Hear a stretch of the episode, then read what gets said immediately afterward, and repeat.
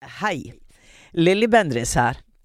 Eh, før jeg setter i gang med dagens episode, så har jeg en liten gladnyhet. Og det er at jeg skal ha liveshow med Uforklarlig i Oslo på Kosmopolit scene. Hva slags kveld blir det, mon tro? Jo, der blir gjester, men der blir også en opplevelse for dere, en personlig opplevelse for dere som sitter i salen.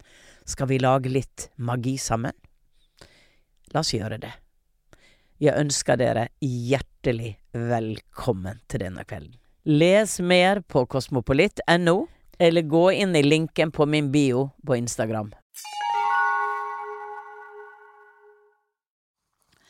Hei, dere. Den 15. november var jeg i Kristiansand. Og for en kveld det ble. Jeg hadde besøk av Jorunn, som fortalte en spennende, uforklarlig historie om mystiske bilder som dukka opp når hun utfører kirurgisk healing. Jeg hadde også besøk av Jade, som opplevde å lukke seg i ung alder fordi alt han tok inn ble for overveldende. Og det jeg husker best fra kvelden, er stemninga i salen, det var noe magisk akkurat den kvelden. Det var morsomt, det var humoristisk, det var latter, og det var litt tårer. Så her kommer det to spennende historier fra Kristiansand. Lytt og nyt. Du utfører kirurgisk healing på pasienter. Plutselig begynner det å poppe opp uforklarlige blå lysvesenbilder på mobilene deres. Hva tenker du da? Ever catch yourself eating the same flavorless dinner three days in a row? Dreaming of something better? Well, HelloFresh is your guilt-free dream come true, baby. It's me, Kiki Palmer. Let's wake up those taste buds with hot, juicy pecan-crusted chicken or garlic butter shrimp scampi. Mm. Hello Fresh. Stop dreaming of all the delicious possibilities and dig in at HelloFresh.com. Let's get this dinner party started. Millions of people have lost weight with personalized plans from Noom, like Evan, who can't stand salads and still lost 50 pounds. Salads, generally, for most people, are the easy button, right? For me, that wasn't an option. I never really was a salad guy. That's just not who I am. But Noom worked for me. Get your personalized plan today at Noom.com. Real Noom user compensated to provide their story. In four weeks, the typical Noom user can expect to lose one to two pounds per week. Individual results may vary.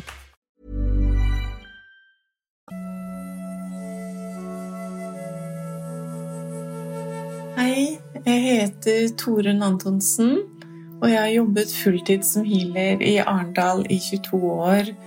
Og jeg har hatt mange spennende opplevelser i mitt uh, yrke som healer. Og det er en opplevelse som har uh, gjentatt seg gang på gang siden 2012, som jeg enda ikke har fått alle svar på og som jeg håper at du, Lilly, kan hjelpe meg med å gi svar på hvem det er som hjelper meg. Og det begynte først med at i noen av healingtimene mine så skjedde det noe som kalles kirurgisk healing. Og det er at det skjer et inngrep i f.eks. en skade hos klienten som blir eh, korrigert. Og dette vil også synes på f.eks. MR-bilder. Og det har vi fått bevis på flere ganger via pasient som også er fulgt opp av Rikshospitalet med MR-bilder.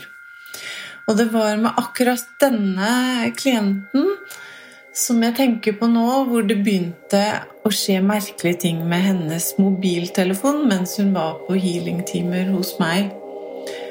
Og uansett hvilken mobil hun hadde, eller om den var på eller avslått, så skjedde det det at under healingtimen hun hadde hos meg, så begynte det å komme bilder på mobilen hennes. Og disse bildene de var ikke sendt fra noen plass. De var formet akkurat til mobiltelefonen, og de la seg direkte på kamerarullen. Noen av bildene de bare lyste opp på mobilen, og så ble de borte. Mens noen ganger så slo telefonen seg helt av av seg selv. Og det var ikke mulig å slå den på igjen. Og etter hvert så slo den seg på selv, og da kunne det være opptil syv bilder som lå på kamerarullen på mobilen hennes. Og de bildene har ikke normal piksel, og de går veldig mye i noen nydelige blåtoner. Det er eh, mye blå Ser ut som sånn energikuler. Noen av kulene har ansikter i seg. Noen av kulene har skikkelser. Noen av disse bildene som jeg bare har valgt å kalle energibilder, de har engler og hjerter så det, det, er vakre bilder som går mest i blå og hvit, men innimellom så er det også hvit med noe gult i. Spesielt det ene bildet som jeg tenkte jeg skulle spørre deg om, Lilly, så er det en engel med litt sånn gult lys rundt. Så er det sånn at første gang bildene kommer, så kommer de under en healingseanse. Og dette har jo skjedd nå i så mange år og har nok i hvert fall 200 bilder. Og det som er, det er at de kommer første gang under en healingseanse. Men hvis jeg trenger noe støtte i livet mitt privat, så, de, så blinker de opp på telefonen igjen. Og det englebildet som jeg nevnte, som jeg er så glad i Når min mamma døde i 2021, så satt jeg med mamma når hun døde. Og idet hun pustet ut siste gang, så blinket dette englebildet opp. Så det er veldig spesielt for meg. Og det som også skjedde, det var at innimellom istedenfor bilder så kom det tekst. Så sto det f.eks. 'kirurgisk healing vil gi resultater'. Det kunne stå Istedenfor Samsung så kunne det stå 'samarbeid med oss'. Og da tenkte jeg at oi, her kan vi spørre spørsmål. Så jeg spurte 'Hvem er dere?' Og da skjedde det som var så spesielt, og det var tre ganger det skjedde etter hverandre. Det var nesten en sånn gammeldags Skype-video hvor det kom en blå energiskikkelse og viste seg, som sto, og bildet sto dirra i noen tiendedels sekunder. For meg så, så det mer ut som en blå alien enn en engel. Og så forsvant bildet, og så kom det en ny. De var ikke helt like, selv om de var eh, ganske like i figuren. Og så sto den noen tiendedels sekunder, og så var det siste som kom.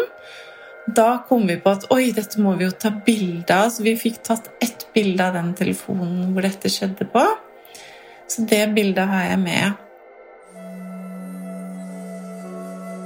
Og jeg har jo vært på alt av ufo-konferanser for å lære å forstå. Jeg har vært rundt med disse bildene både i USA og England, på kjente spirituelle skoler, og spurt om råd og svar på hvem er disse lysskikkelsene som hjelper meg med healingen. Når jeg var på ufo-konferanser, så ble jeg egentlig bare redd, for det var så mye skrekkhistorier rundt det med vesenet. Men når jeg jobber med healing, så har jeg fått så tydelig beskjed om at disse her blå skikkelsene, de er bare kjærlighet. Og de er, vil oss bare vel. Så jeg vet at det er ingenting å frykte, men jeg vet ikke hvem de er, og hvor de holder til. Og før så tenkte jeg litt sånn mellom himmel og jord og engler og Men nå tenker jeg mer sånn mellom jord og universet, at vi får hjelp fra mange høyfrekvente, gode energier, men hvem er de? Det er det jeg er veldig spent på om du kan hjelpe meg med, Lilly.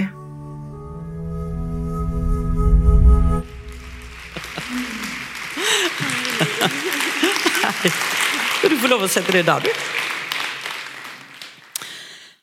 Ja Wow! Du har jo eh, opplevd noe som ikke alle opplever. Og det som eh, vi, vi, vi, må gå litt tilbake før jeg går inn for å se hvem dette er. Fordi at eh, du hadde en pasient. Um, var hun veldig åpen? Ja. ja. tenker jo at hun har sterke evner selv, Ja. og at det er derfor det er mulig Ja. for å bruke henne som en slags antenne. Ja, for det er noe med å Altså, alt er jo frekvenser og energi. Og det som er veldig klart for meg, er at eh, du, du sender din frekvens ut i det store feltet. Hvor alt er. Der er engler, der er avdøde, der er aliens, der er eh, parallelle jorder, der er alt mulig. Men det som de viser meg veldig mye, er at det, det har veldig mye med hjertet sitt frekvens å gjøre.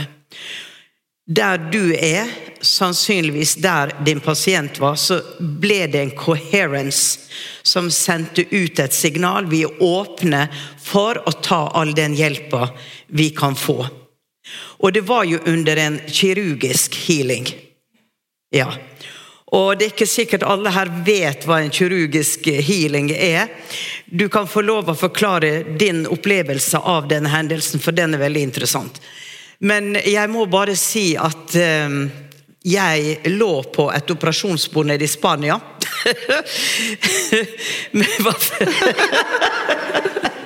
Jeg måtte til og med kle av meg med 500 leger rundt. Det var en konferanse hvor en som var berømt, Steven fra England tror mange av dere har hørt om han her. Som da gikk inn og opererte. Og dette syns jo jeg var utrolig eh, spennende, for på det tidspunktet så hadde jeg nettopp oppdaga kreftene mine, var healer, og dette var jo utrolig spennende, det han gjorde. Men han hadde tre, tre pasienter. Den første la seg på bordet, og der stakk han en lang nål inn i nakken hennes. Så det medførte at pasient nummer to sa aldri i verden, jeg skal ikke opp på det bordet. Og eh, jeg sto der. Og det, det, som var så interessant, det var det at eh, han forklarte da at når jeg utfører kirurgisk healing, så må ingen ta bilde med blits, for da får jeg brannsår i hendene. For det kommer et stoff ut av hendene som gjør det mulig å gå inn i kroppen. Eh, og jeg tenkte ja, dette skal han jo kjenne. Sto i fremste sirkelen med hendene ut, og så ble jeg klissete i hendene. Så jeg visste at dette er ikke fake. Her skjer det noe. Så når den andre pasienten da ikke vil eh, på benken, så sier jo den som var sjef for dette her, at da må vi finne en ny pasient. og jeg sto jo i fremste sirkelen, og jeg tenkte ta meg, ta meg, ta meg. Og Steven han, han går inn i transe når han gjør dette her. Og blir en gammel tysk doktor med navn, og de har funnet ut hvem denne doktoren er. Så en ung, sterk mann blir da krumbøyd og halter litt og er litt sånn der småblind. Så han begynner å se seg rundt. Jau. Og det er meg. Så opp på benken. Og, og oppleve dette var veldig interessant. Fordi at han tok da en, kirurg, nei, en, en kiropraktorbehandling. Og jeg går mye til kiropraktor. Så jeg vet akkurat hvordan det knekker og hvordan Det er masse lyder. Det var som om beina mine var gummi. Det var bare klikk, klikk, klikk. Det, det, jeg var som en sånn gummidukke. Og så tar han hånda si over magen og begynner å massere. Jeg kjenner at han legger hånda på magen, og så forsvinner den. Jeg kjenner overhodet ingen hånd på magen, men han graver og henter frem stener og grus og en slags oljete belegg som blir på magen. Så at dette er virkelig Yes! Men du opplevde det på en litt annen måte. Fortell. Ja, veldig annerledes. Men jeg har jo sett Steven, og jeg har sett hvordan han jobber. Ja. Og han jobber veldig annerledes enn meg. Jeg bruker ingen kniv eller sprøyter som han Nei. Nei. Det jeg opplever, det er kan, Folk kan ikke bare bestille en kirurgisk healing. Jeg kan ikke styre når det skjer. Ja. Det er altså dette teamet av guider som styrer. Så jeg tror de gjør det når det er mulig for de å gjøre det. Og Første gang jeg opplevde det, det var jo med hun som disse bildene kom med. Ja. Og Hun kom med en håndskade som var knust i en arbeidsulykke. Og hun hadde også fjerna noen ledd eh, for å få en viss bøy, og hun hadde hatt 15 operasjoner, og alle var mislykka. Hun hadde nervesmerter, og hånda var i ja, helt sånn krampe. Ja. Og det var ikke teknisk mulig å bøye disse fingrene. Så første gang hun kom på healing, så trodde hun egentlig hun kom til massasje. Eh, Så sa jeg nei, jeg driver med healing. Så Første gang så var det ikke kirurgi, det skjedde bare at det ble veldig varmt, og hånda hennes ble varm og var smertefri en stund. Etter hvert så begynte fingrene å bevege seg litt under healingen. Eh, Det skulle ikke være teknisk mulig. Men under en healing Det virker som at guidene mine, eller healinghjelperne, eller hva vi skal kalle det, Ja. de trenger å ha henne på en måte ut av kroppen for at de skal kunne gjøre det inngrepet uten at det gjør vondt. Så mens jeg pratet med henne, så plutselig så var det akkurat som hun bare forsvant. Eh, Da gikk det mange tanker i hodet mitt. Fordi hun, jeg fikk ikke kontakt med henne. Det var akkurat som hun hadde fått narkose. Ja. Og jeg så jo for meg VG med healer, drept klient på benken. eller Ja. noe sånt. Ja. Men sant? det som skjedde når hun lå helt sånn Jeg sjekka hun pusta, men hun kom jo ikke tilbake når jeg snakket til henne. Så kom hånda hennes opp, og så begynte det mekaniske bevegelser og huller inn i hånda. Og etter en stund så la den seg rolig ned igjen. Og så ble hun fylt opp igjen, og så kommer hun tilbake. Eh, og da Dette har skjedd Vi har gjort det så mange ganger nå. Det skjer hver gang hun er hos meg, og hun, går, hun skal til meg i morgen, faktisk. Ok. Eh, Det som skjer Noen ganger så er det blå striper der som det er gjort inngrep. Som Det blir- et det blir blå stripe i huda. Ja, det kan bli merker. Vi har jo filma mye, og noen ganger så ser du sånn hvit tåke nedover armen min, eller en sånn spirallys. Og du kan også høre Det var en periode vi hørte eh, klassisk musikk på videoen som ikke var i rommet. Og under én healingseanse så sto det på andre sida av benken plutselig en japansk kirurg foran meg. Det er eneste gang jeg har sett han tydelig. Og så gikk det en ukes tid, og så hørte jeg på radioen at i gamle dager så brukte de japanske kirurgene klassisk musikk under operasjoner. Akkurat. Og etter det forsvant musikken, for da hadde jeg skjønt det. Men Ja. vi kan høre operasjonslyder og knekkinger og mm, kneppinger og sånn på videoen. Ja, det, Når den vi videoen du, Når du filmer, ja, Ja, så kommer vi- den lyden. Vi har filma mye for Ja. å gi Rikshospitalet bevis, for de sa det her er jo ikke mulig. Ja. Så de har sett det. Og du samarbeider vel egentlig med leger, gjør du ikke det? Ja, jeg har samarbeida med leger siden 2002, og nå er jeg også på et legesenter. Jeg har en klinikk eh, i Ja, sammen med kreftlege og fastleger. Og, Og de er åpne for og nysgjerrige på det du gjør. ja, noen av de er jo med i forskning på healing også. Akkurat. Mm. Så dette er jo nybrottsarbeid å bygge bro mellom det du gjør og det som er i legevitenskapen. Og da er det jo bare vidunderlig at det skjer sånne ting, hvor de klør seg litt i hodet og sier 'dette går ikke an'. Og det er jo akkurat det. Det går an, men hva skjer? Hvordan? Hva? Og det er jo, det er jo her du, du snakker om at eh, du får hjelp da å oppleve disse Dette er jo bare to-tre av bilder. Altså, jeg har jo Vi har mange hundre. du, du har mange hundre bilder, ikke sant? Som, så du har dokumentert veldig mye. Og jeg tenker det at eh, sånn som jeg har blitt undervist av mine guider, da, så er det forskjellige de, departement på den andre sida. Hvor de som er f.eks. leger, kommer inn i et panel hvor de studerer videre, hvor de også eh, kan gå tilbake til den fysiske verden og si vi er ikke ferdig her. Vi, vi har kanskje noe nybrottsarbeid, eller vi skal gå inn der. Og da er det akkurat det at det må være en resonans på den de skal jobbe gjennom, eh, og seg selv. Og eh, du sier også det at du opplever der er forskjellige, og det er helt riktig. Denne figuren vi så her, som er veldig forstørra, så, så, men så ser du det at det er et litt spesielt ansikt. Det er en liten alien face. Ja, og det som er så spesielt, alle de det skjer kirurgisk med, hvor de på en måte forsvinner, som jeg kaller litt forsvinner ut av kroppen, Ja. de går inn i et sånn hvitt lys av bare kjærlighet, og noen av de ser disse guidene. De ser det. Noen treffer avdøde slektninger, og noen treffer dyra sine på andre siden. Men flere som har sett de, da. Ja. Og de ser også sånne, at de jobber med sånne tråder, nesten at de gjør operasjoner med sånne tynne fargetråder i et hvitt lys. ja. Eh, Som de ser ikke jeg selv. Det er vel en form for laser de ofte bruker. En form for laser. Um, men ehm,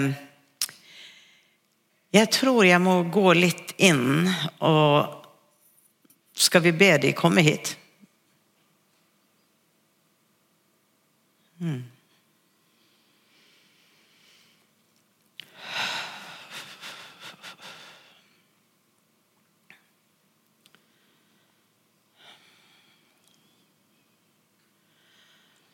For at jeg skal koble meg på, så må jeg gå i resonans med deg. For at eh, vår felles resonans kan hente frem den energien.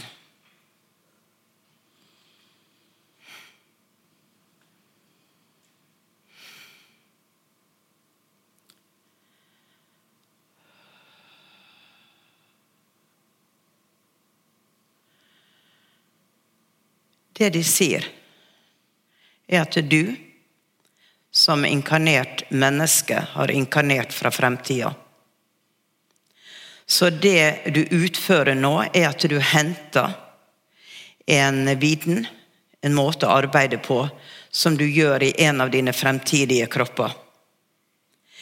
Eh, Du har forskjellige frekvens-layers ut ifra behovet og resonansen til den klienten du har på benken. Det er et team. Eh, De er ikke det samme hele tida. De de skifter ut eh, inn imellom til nye som er spesialister på det. Og en annen gang så kan det komme inn noen som er spesialister på det. Så det er et levende team som beveger seg. Det er ikke et fastlåst team. Og det de også da sier, at eh, vi henter hjelp fra der hvor hjelp finnes. Eh, Og om vi trenger en eh, om vi trenger en teknologi som ligger utenfor det vi er spesialister på, så henter vi inn ekspertise fra andre frekvensnivå. Her kommer dette inn med det du kaller alien. For den sivilisasjonen du er connecta med, eh, det er veldig sterk Arcturus-energi her. Og eh, de er spesialister i dette, og de har en kobling mot deg fordi du har også en kropp der. Ok? Så du kan også si at du er med på den andre sida, som ikke er en avdød, men som er et team. Men de er fra forskjellige frekvens eh, ståsted. Men de kommer sammen for det felles beste. Det er det på samme måte som du kan ha en avansert kirurg her som drar inn i jungelen, og så møter han en sjaman i jungelen som snakker med plantene, og de forteller han hva han skal blande for å få en medisin. Så han er spesialist i det, selv om han ikke er kan en moderne science, men han er kobla på plantene. Sånn er det vi jobber også her, sier de. At vi kobler sammen de som er spesialister i sine fagområder. Og Det kan også ligge innenfor det man kaller psykologi, men det er avansert psykologi, hvor de kan gå inn og faktisk brenne av nervetråder som, eh, som har hengt seg opp og låst seg fast, sånn at de får komme i bevegelse igjen. Det er avansert teknologi, og du vil lære mer om det fremover i tid. Det er hva de sier til meg. Og jeg, blir, jeg kjenner jeg blir helt sånn rørt, og det gir så gjenklang, for det er jo akkurat det jeg har bedt om. Ja. At, øh, og, og det som viser seg også på disse MR-bildene, sånn som de fingrene som ikke kunne bøye seg, for det er jo stiva bein mot bein. Eh, så har de jo tatt MR-bilder, og så viser det seg at det er ikke ledd, men det er noe annet som har begynt å vokse ut, som gjør at hun da kan bevege fingrene. Ja. Og da har vi testa på Rikshospitalet, så hadde de sånn bøyle, og så skulle de se hvor mye hun klarte å bøye med belastning, og da klarte hun noen få sekunder. Eh, og så sa de kan dere prøve dette under healing. Da klarte hun over ti minutter. Og hun bøyde helt inn igjen og igjen. Og da har jeg bedt de om å bare hente inn fra alle team som er Så det, det kjennes så Det gir gjenklang. Og det ble isende kaldt. Ja. Kjente det? Ja, jeg kjenner det. er det noen som eh, ser noen skikkelser rundt oss? Ingen tør å si noe. Jeg er sikker på at flere ser. Og så tenker man at jeg må ikke dumme meg ut. Det er sikkert feil, det jeg ser. Eh, De er her. De er her, og det at de er her nå eh, Det de sier, er at eh, her er kontakti i salen som vil merke at de kommer inn i feltet. Som vil merke i dagene og ukene som kommer, at det er noe som kommer inn. Det kan ta en stund, men, men de bruker jo sånne store samlinger til å kunne spre sin informasjon og sin ekspertise. For det sitter mange som er veldig connecta. Og så er det ofte det at de tror ikke helt. 'Å nei, det kan ikke være sånn', og det er litt, sånn, det er litt for 'Nei, jeg kan ikke tenke det'. Og da, da stenger de litt av selv. Eh, men akkurat nå så sier det det at det her er noen åpninger, her er noen spiraler som driver og går rundt i rommet, og de aktiverer. Det er ikke en manipulasjon. Det er ingen som går inn og gjør noe mot deres vilje, for dette ligger på avtaler man har før man blir født. Og så er det ofte sånn at man søker noen eller noe, og så skjer det en åpning. Er dere med meg på det? Ja. Og så en sånn kveld så, så blir det ofte at Jeg får jo e-mailer etterpå at det skjedde noe når jeg kom igjen, eller et eller annet. Så vær litt observant og våken på om det kommer inn noen nye ting. Og hvis dere tenker også på at ja, det er supert å bruke den moderne teknologien som en mobiltelefon, som veldig mange, spesielt aliens, bruker. For det, det er litt sånn gammeldags teknologi for dem. Det er noen tusen år foran oss.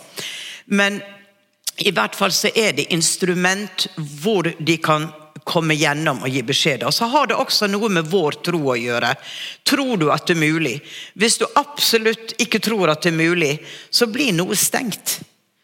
Men hvis du er åpen og sier at 'jeg er åpen, vis meg', og 'jeg søker det høyeste, beste som ligger der i min sjelsreise, for å kunne hjelpe meg selv og andre.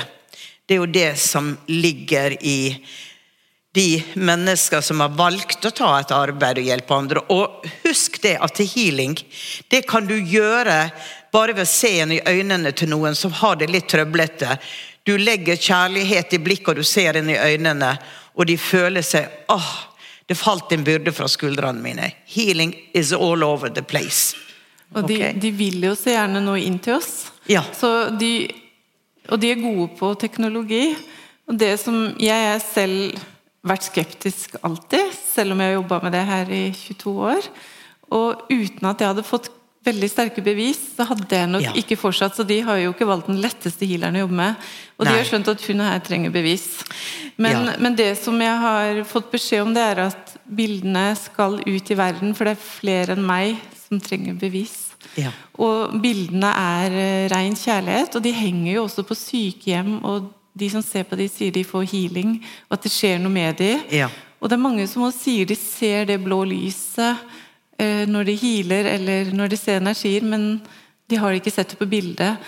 Så, så de bildene kommer som både takknemlighet for samarbeidet, føler jeg, Ja. men også for at andre enn meg skal se bevis. Og det er jo som jeg nevnte i stad, det er jo ikke normale piksler i de. De er jo lagd akkurat til telefonskjermen, og det er jo i hvert fall vært tolv forskjellige mobiltelefoner.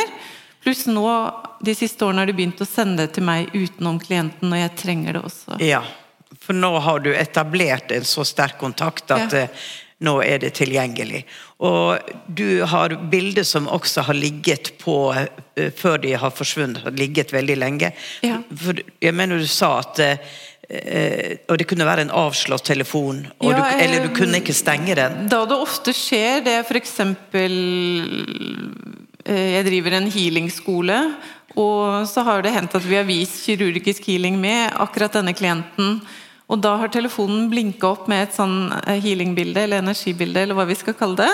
Ja. Og da har det vart tre-fire timer. Det har ikke gått an å slå av eller på, men den bare har lyst og lyst, og alle studentene har tatt bilder. Fordi jeg tenker at de som skal jobbe med dette, de trenger jo disse bevisene. Så da kommer det veldig sterkt. Og det som òg skjer med akkurat Dette skjer jo med flere klienter, kirurgisk healing, men, men denne dama hun kan ikke skrive med den hånda. Nei. Men noen ganger før hun er helt tilbake i kroppen, etter healingen er ferdig, Ja. så kan hun skrive beskjeder.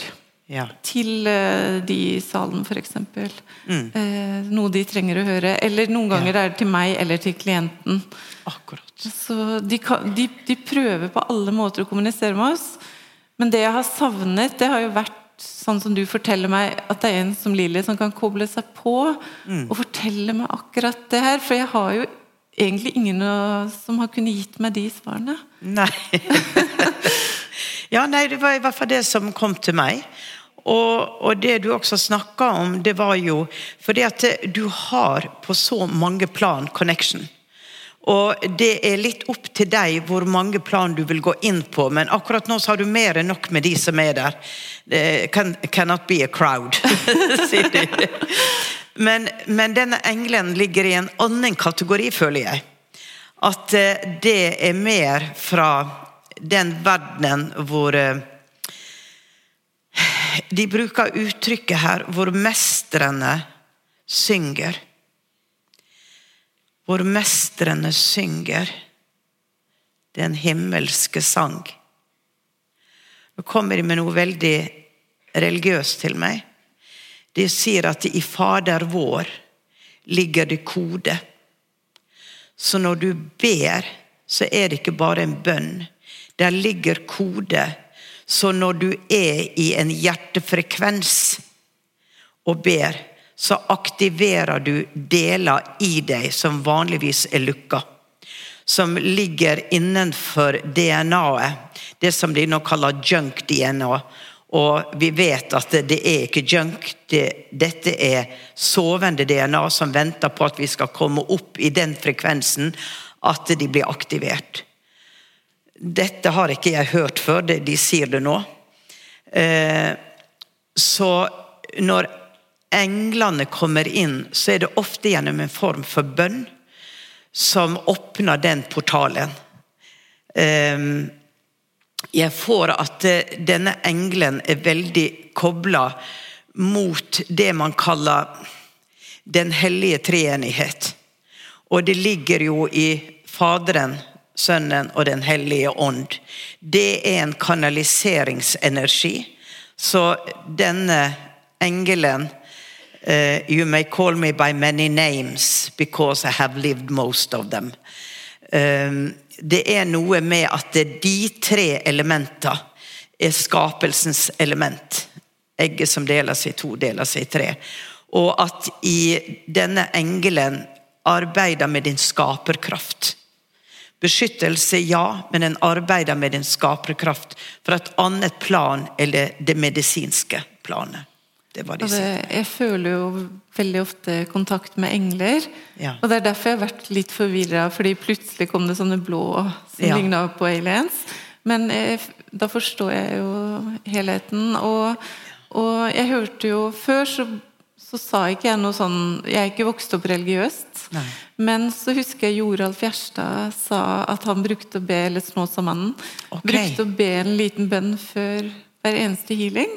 Ja. Så jeg har de siste årene tatt med en sånn liten regle, og der er også englene inkludert. Og Ja. alle gode krefter i universet. Ja. Så det var gøy at du fikk med Ja. Det er så fortsett med det. Fortsett med det. Det er jo som, som, du sier, det er jo en blanding av disse her blå, og det er blanding av engler, og så er du en japansk kirurg. Ja. Og så bruker jeg jo alltid å si trenger dere noen andre, så inviter de inn. Ja. Eh, har jeg et dyr, så sier jeg ta gjerne inn en som har erfaring som dyrlege. Ja. Eh, jeg inviterer alltid inn Joralf Gjerstad, Snåsamannen, og en kjent healer som heter Harry Edwards. For jeg tror ikke det er begrensninger på hva vi kan be om hjelp til. Så jeg tenker det med dere òg, at eh, når dere trenger hjelp eller skal heale noen, så inviter inn gode avdøde healere og engler, og, Ja. og så får vi hjelp. For de, de, er der, de er der jo for å hjelpe oss. Ja. Og hvis vi aldri ber om hjelp, så er de jo litt arbeidsløse, da. ja, jeg tenker at de får sette begrensningene. Ja. Så spør jeg. Ja. ja. Nei, men eh, dette var veldig spennende og veldig givende. Og tror jeg også noe som gir håp. Rett og slett. Håp er noe av det som jeg håper bildene kan gi Ja. til dere der ute. At dere får bevis på at energien fins. Ja. Det er eh, sterkt. Det er, på denne jorda så er det noe som heter tid. Ja. Vi får Vi kunne snakket her hele kvelden. Men vi har en annen gjest, så jeg vil bare si tusen takk Tusen takk for for at du kom svar. og delte historien. Mm.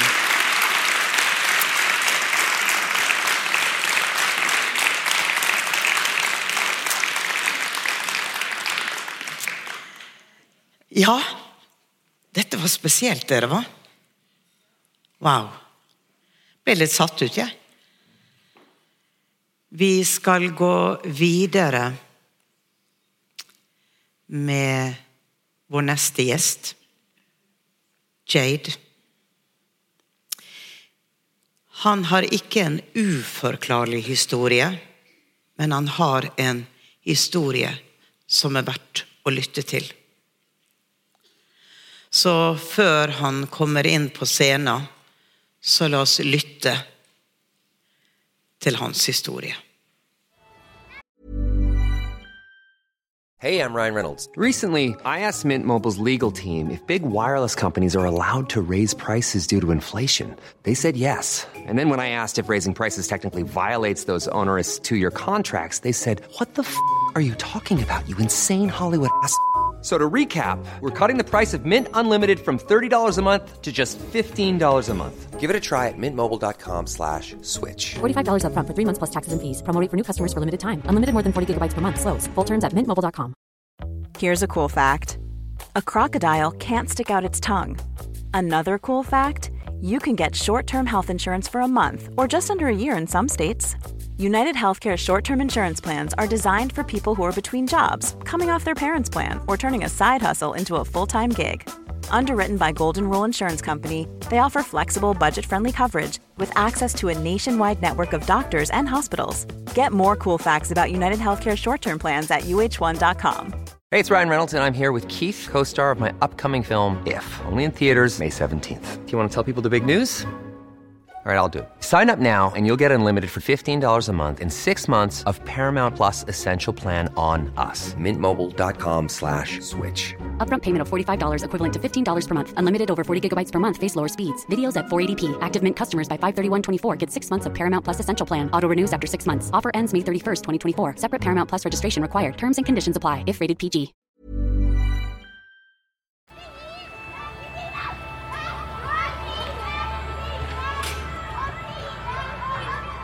Barneskolen Bærum 1990-tallet.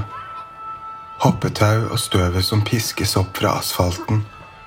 Barnet som hopper og treffer bakken med joggesko. Tauet som går fortere og fortere, og plutselig stopper opp idet tauet treffer skoen.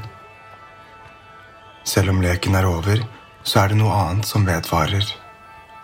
Lyset er som perlemor i dansende koder reflekterer i ethvert menneske med ledetråder om en annen aktivitet.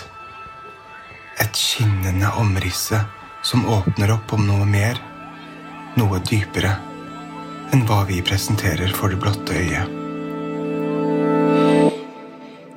Helt siden jeg var liten gutt, så kunne jeg se mennesker på en annen måte. Jeg fulgte mor til krisesenteret for kvinner. Jeg husker jeg sto der og så rundt meg. En filippinsk høygravid kvinne som var på en gutt jeg kunne se. En dame med barbert hode og stygge kuttskader ble rundhjult av typen jeg kunne føle. Her inne var det hemmelige, grove historier som jeg fikk kjenne på ved siden av min egen mamma, som pustet tungt og hikstet og gråt og lente seg på pleierne, som jeg også kunne kjenne. Jeg holdt min mors svette hånd og kjente ikke bare på min egen mor direkte, men alle andre mødre på krisesenteret for kvinner i Bærum på 90-tallet. Helt siden jeg var liten, har jeg kunnet se menneskers bakenforliggende. Jeg trodde det var helt normalt, faktisk. Jeg trodde det var helt og holdent alle sin evne. Og på en måte nødvendig. For hvis ikke vi kunne se hverandre, hvordan kunne vi være sammen da? Mine foreldre separerte seg flere ganger og skilte seg til slutt. Siste gang da mor dro, var far på forretningsreise i Singapore, og mamma var hjemme alene med meg og min søster.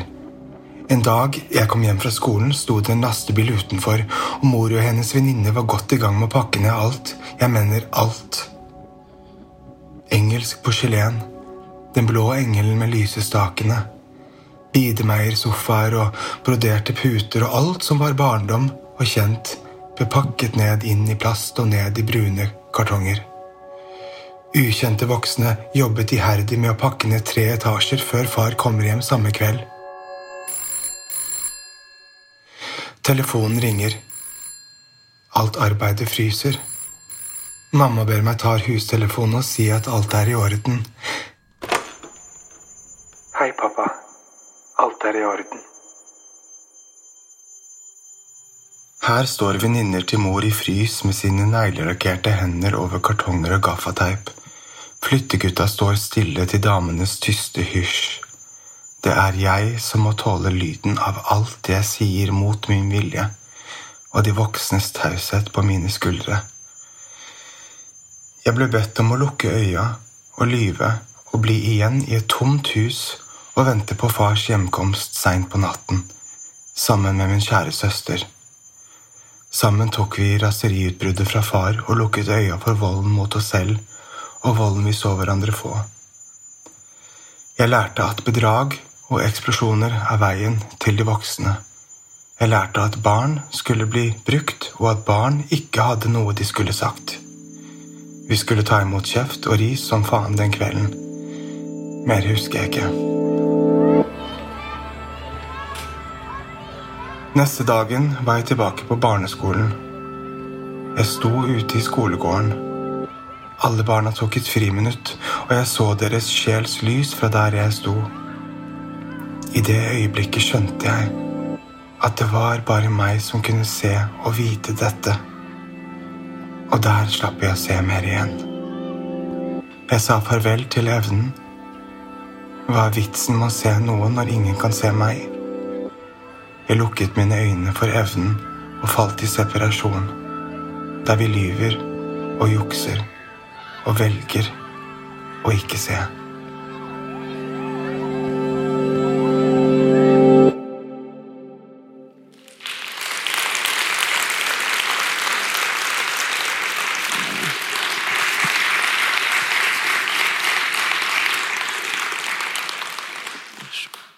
En sterk historie, Jade.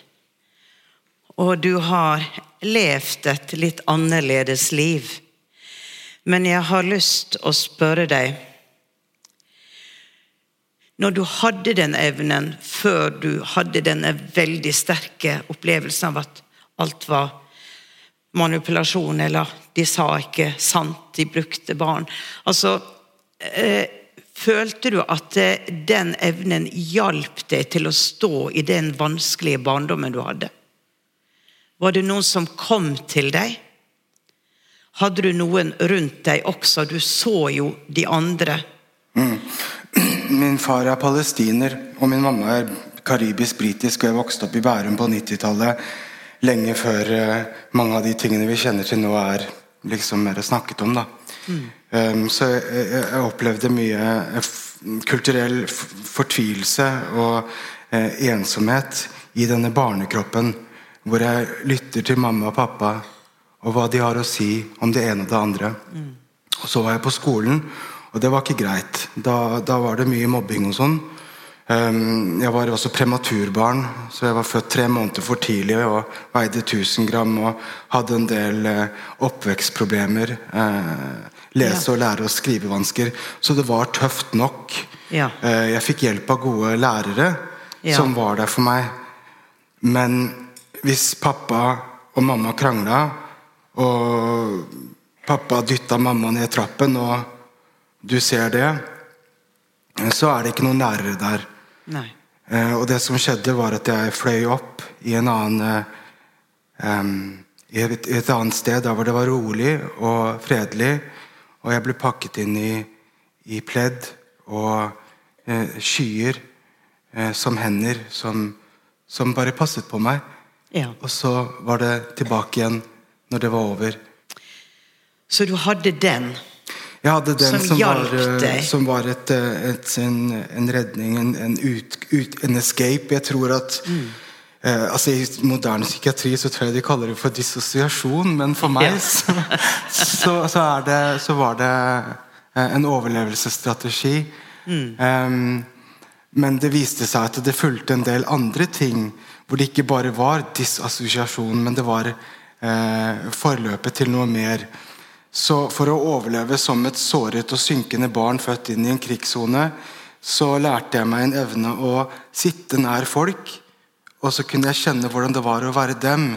Så jeg begynte å få monologer inn, over barnestemmene til de som satt rundt meg, snakket og hvisket og betrodde seg til meg og fortalte om hva de likte og ikke likte, og hva de ikke tålte.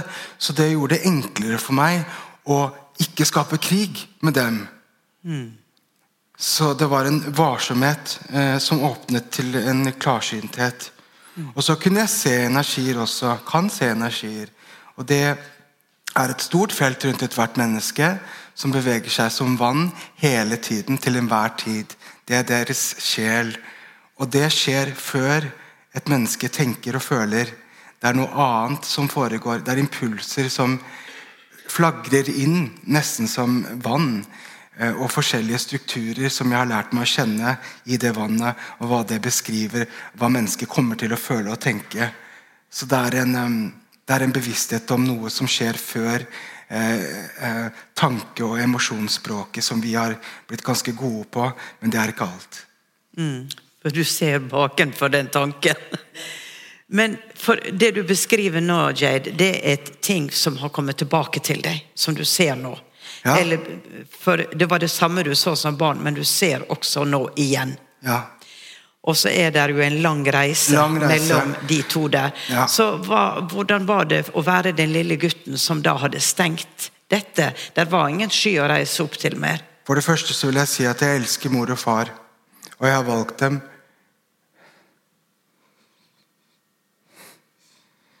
Men når jeg var ca. tolv år, så kom puberteten. Og jeg var ikke så opptatt av mamma og pappa lenger, men jeg ble selvbevisst. Fordi da skjønte jeg at jeg hadde en dragning til menn. Ehm, på, før altså 98 ca. 1998 så var det ikke noe i skolebøkene, og det var ikke noe særlig snakk om det. Og det var ikke noe på TV, og det var ikke noen historier rundt meg som kunne informere meg om hvem jeg var. Og hvis det var noe som dukket opp på si Dagsrevyen, så var det æsj. Eh, og det var banneord. Og det, det, jeg, jeg, kjente som tolvåring at det, å, å vokse opp nå og se fremtiden som homofil var en slags dødsdom. Jeg ble født inn i aids-epidemien. Det, det var en synd lenge. Og så ble det eh, en eh, sinnssykdom, og så ble det kriminelt, og så ble det liksom vanlig. Hva enn det betyr. Ja. Eh, Ja. men, men fordommer henger igjen, til og med etter loven oppheves. Og kanskje det henger igjen på et veldig eh, dypt plan, som lov og være snill og grei egentlig ikke kan absorbere eller dekke. Vi må finne syndebukker. Og dagens spedalske, hvem er de? Det er et spørsmål verdt å stille. Um, jeg, jeg ble redd, og da ble jeg selvbevisst over min egen rolle. Og det gjorde at jeg kuttet min sjelsforbindelse Uh, du vet, Når du er barn, så er du ikke eh, Du tjener ikke penger, du er ikke en rolle eller status. Du er liksom en fri flyt. Og, og, Derfor var det så enkelt for meg å ha denne kontakten. Jeg hadde det, enorm sjelsforbindelse som barn. Eh, og, og, jeg kunne se og få næring av det. Så jeg kunne også, også gjøre ting. Jeg kunne skape ting. Og jeg kunne få god eh, kommunikasjon med dyr. Jeg hadde veldig mange dyr som barn. Alt fra eh, hund, hest, katt, tarantella, skilpadde, øgle, slange, skorpion, hest fugler, hare, ørkenrotte.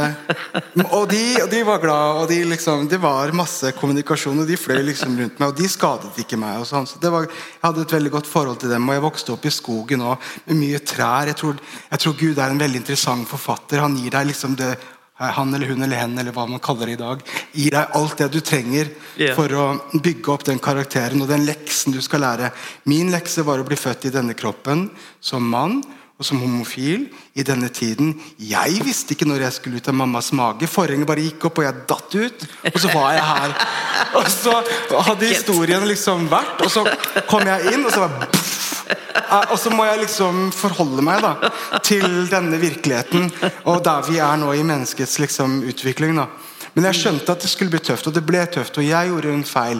Jeg gikk inn i skapet, og det er ikke et sånt vanlig skap. Det er et mentalt sted. Det er trangt, det er mørkt, og det er jævlig. Eh, folk sier at man er deprimert hvis man henger i fortiden. Men tenk å være deprimert fordi du henger på en tynn tråd i et mørkt rom hvor du ikke kan puste, hvor du spiller en puppet til omverdenen. Det er smertefullt. Og, og jeg tror egentlig ikke folk skjønner hvor tøft det er å føle at man ikke er en del av skaperverket.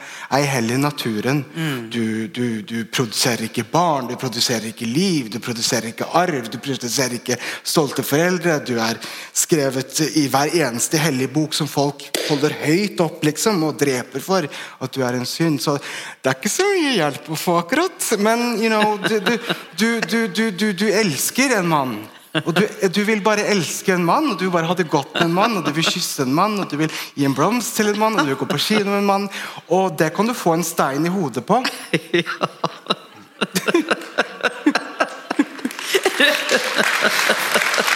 um,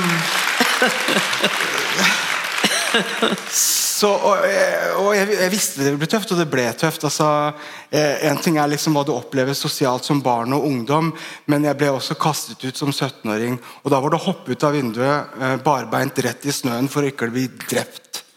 Ja, Og din pappa? Ja. Og så løp jeg til mamma. Men mamma var så syk at hun ikke kunne ta vare på meg. Mm. For hun hadde nok med seg selv og endte opp på psykiatrisk. Mm. Så begge to avviste meg, og da var jeg i barnevernet. Og så måtte jeg liksom klare meg selv. da vandra liksom rundt da. Men jeg visste at det liksom det var noe høyere og noe større, så jeg hadde alltid en sånn lyssøyle inni meg. Uansett hvor mye jeg gikk gjennom, så var det som at kroppen kunne bli slått. Men lyssøylen var alltid der, som et mm. tre. Mm. Og det, de Barnevernet sa sånn ja, men 'Du er jo så fin. Hvordan klarer du å være så, liksom, så fin?' Så jeg, nei, jeg har en lyssøyle inni meg, sa jeg. Den knekker ikke jeg. You know. Jeg kjenner det, men ikke, ikke, ikke, sjelen min. Jeg har vært tro til sjelen min, men jeg var utro idet jeg skjønte at å nei, jeg orker ikke å være homo. jeg klarer ikke å være homo. Men så var det jo en dragning, for hjertet vil jo ut og opp og frem. Ja. Og det vil jo elske, og du vil jo fullføre oppgaven din. Du må være tro til det du er født med. Og Vi skal være veldig forsiktige med å dømme disse nye kroppene som kommer frem uh, og sier at de er det de er. Selv om ikke det overensstemmer med sånn vi ser ting, mm. så må vi lytte til det med ekstremt varsomhet. For det kan hende at det er en oppgave som er ment for noe større enn som så. Jeg har følt at ikke jeg var en del av skaperverket, og at ikke jeg var en del eh, av det gode selskap, med god grunn. Og fordi jeg var i mørket, og, og selvtilliten min var lavere enn skoen. Og jeg var livredd, og jeg, var, jeg gråt, jeg skalv, jeg hikstet. Og tanken på å måtte gå ut og bli kastet ut av redet og oppleve livet på jorden i møte med hvem som helst, hvor som helst, når som helst. Hvilket hjørne skal jeg gå nå? Hva møter jeg nå? Du vet ikke. Det er farlig. Mm. Og, og, derfor så til, til, uh, spilte jeg meg liksom litt sånn bort. Jeg, jeg, fikk meg liksom dame som tenåring, og jeg måtte endre stemmen min. Jeg måtte sitte annerledes. Fy faen, jeg vet, Og Så det var når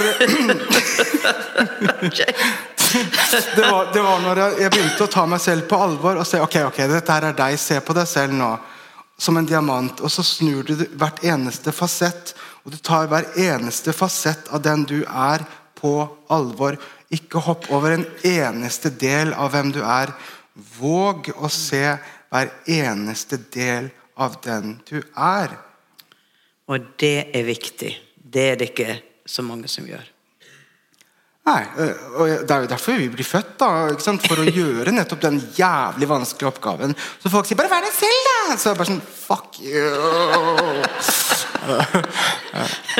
Men, Men, uh... men Jade, Jade.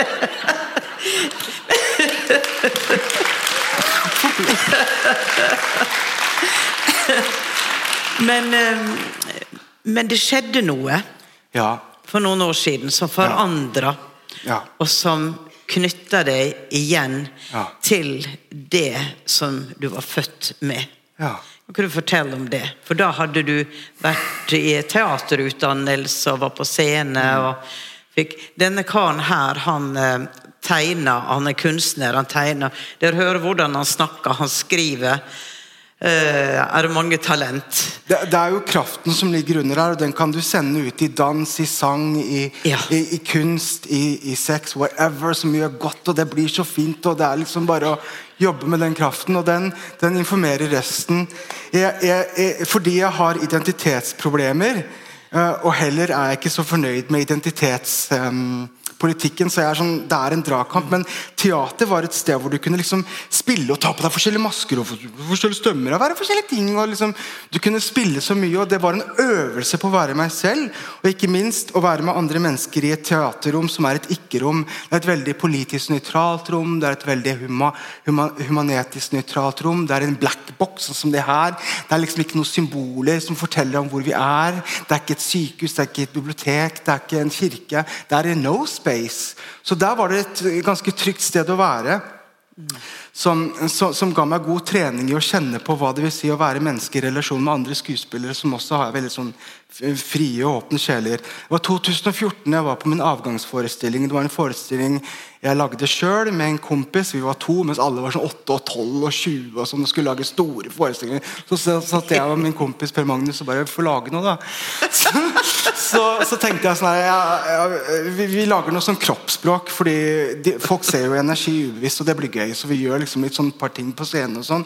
Det ble veldig gøy, og det ble nesten en sånn danseforestilling. Og det var eh, altså så stas å spille den forestillingen som jeg var så stolt av, for det var på en måte å komme ut.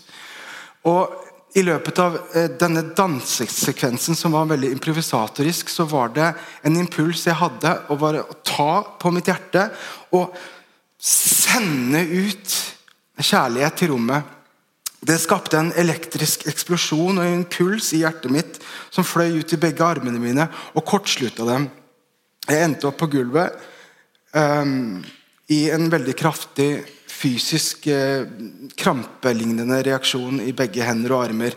Eh, det brant og det smalt, og det var eh, veldig, veldig vondt. Og jeg visste at eh, noe ganske stort hadde skjedd meg. Jeg visste intuitivt at det ikke var et hjerteinfarkt, selv om det føltes sånn. Og flere dager etterpå så, så lå jeg eh, hjemme med en slags ild som lå og ulmet over hendene mine. Jeg pakket det inn i bandasje, i hvit bandasje. Ikke fordi det gjorde vondt, men fordi det føltes hellig. Og Jeg ville beskytte det, og jeg holdt hendene mine sammen sånn.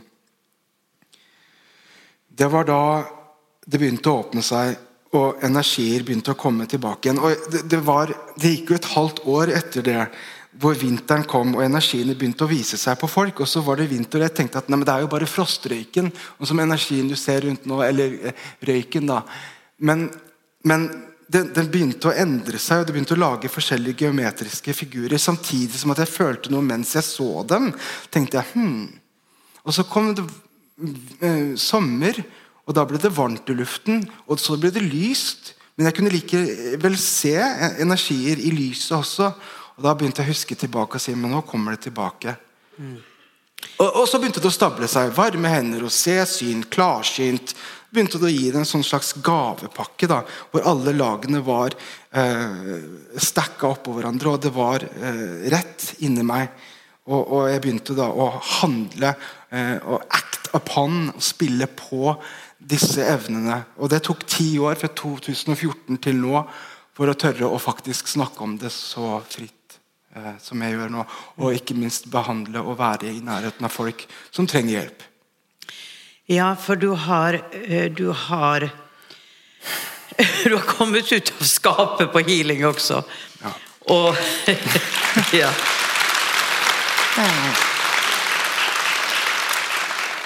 Og det er jo det jeg da tenker at eh, disse stjernesjelene som kommer da, de har ikke det alltid så lett. De velger ikke alltid en lett vei. Men eh, da er det så nydelig å sitte her med deg nå og vite at eh, vi, kan, vi, vi skal ikke si 'happy ending', men vi sier 'happy journey'. Fordi at du har på en måte nå landa etter alt dette her. Og, hvis han skulle fortelle historien sin, så hadde det tatt liksom fem timer. Så, må, så jeg har sagt han må skrive bok. Eh, og fortelle historien. Men jeg kan jo ikke det. Eksen min var prest i Vatikanet i Roma.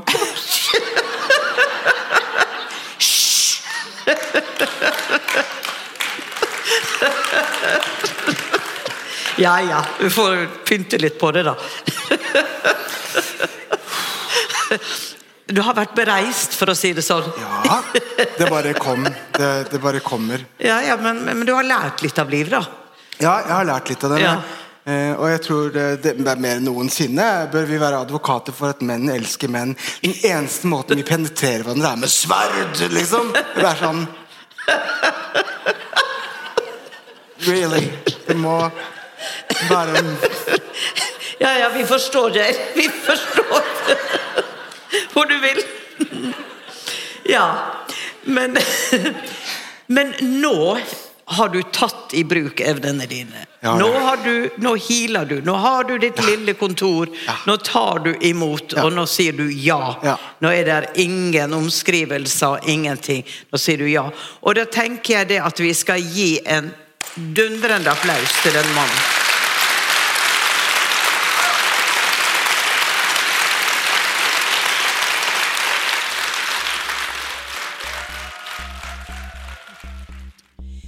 Ja, det var den kvelden. Håper du likte det like godt som meg.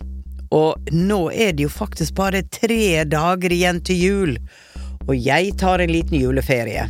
Jeg skal hem, hem, hem, hem, hemmelig, men jeg skal i hvert fall nyte litt julefri. Men neste torsdag så får du en ny liveshow-spesial, og jeg kan røpe at det blir en like spennende kveld som du kan kose deg med i romjula mellom slagene. Etter det er Uforklarlig tilbake igjen 1. februar. Skriv ned datoen, eller trykk 'følg' der du lytter til dine podkaster. Da får du et varsel hver gang det kommer en ny episode. Og jeg vil avslutte denne episoden med å ønske alle en uforklarlig god jul. Vi høres i eteren.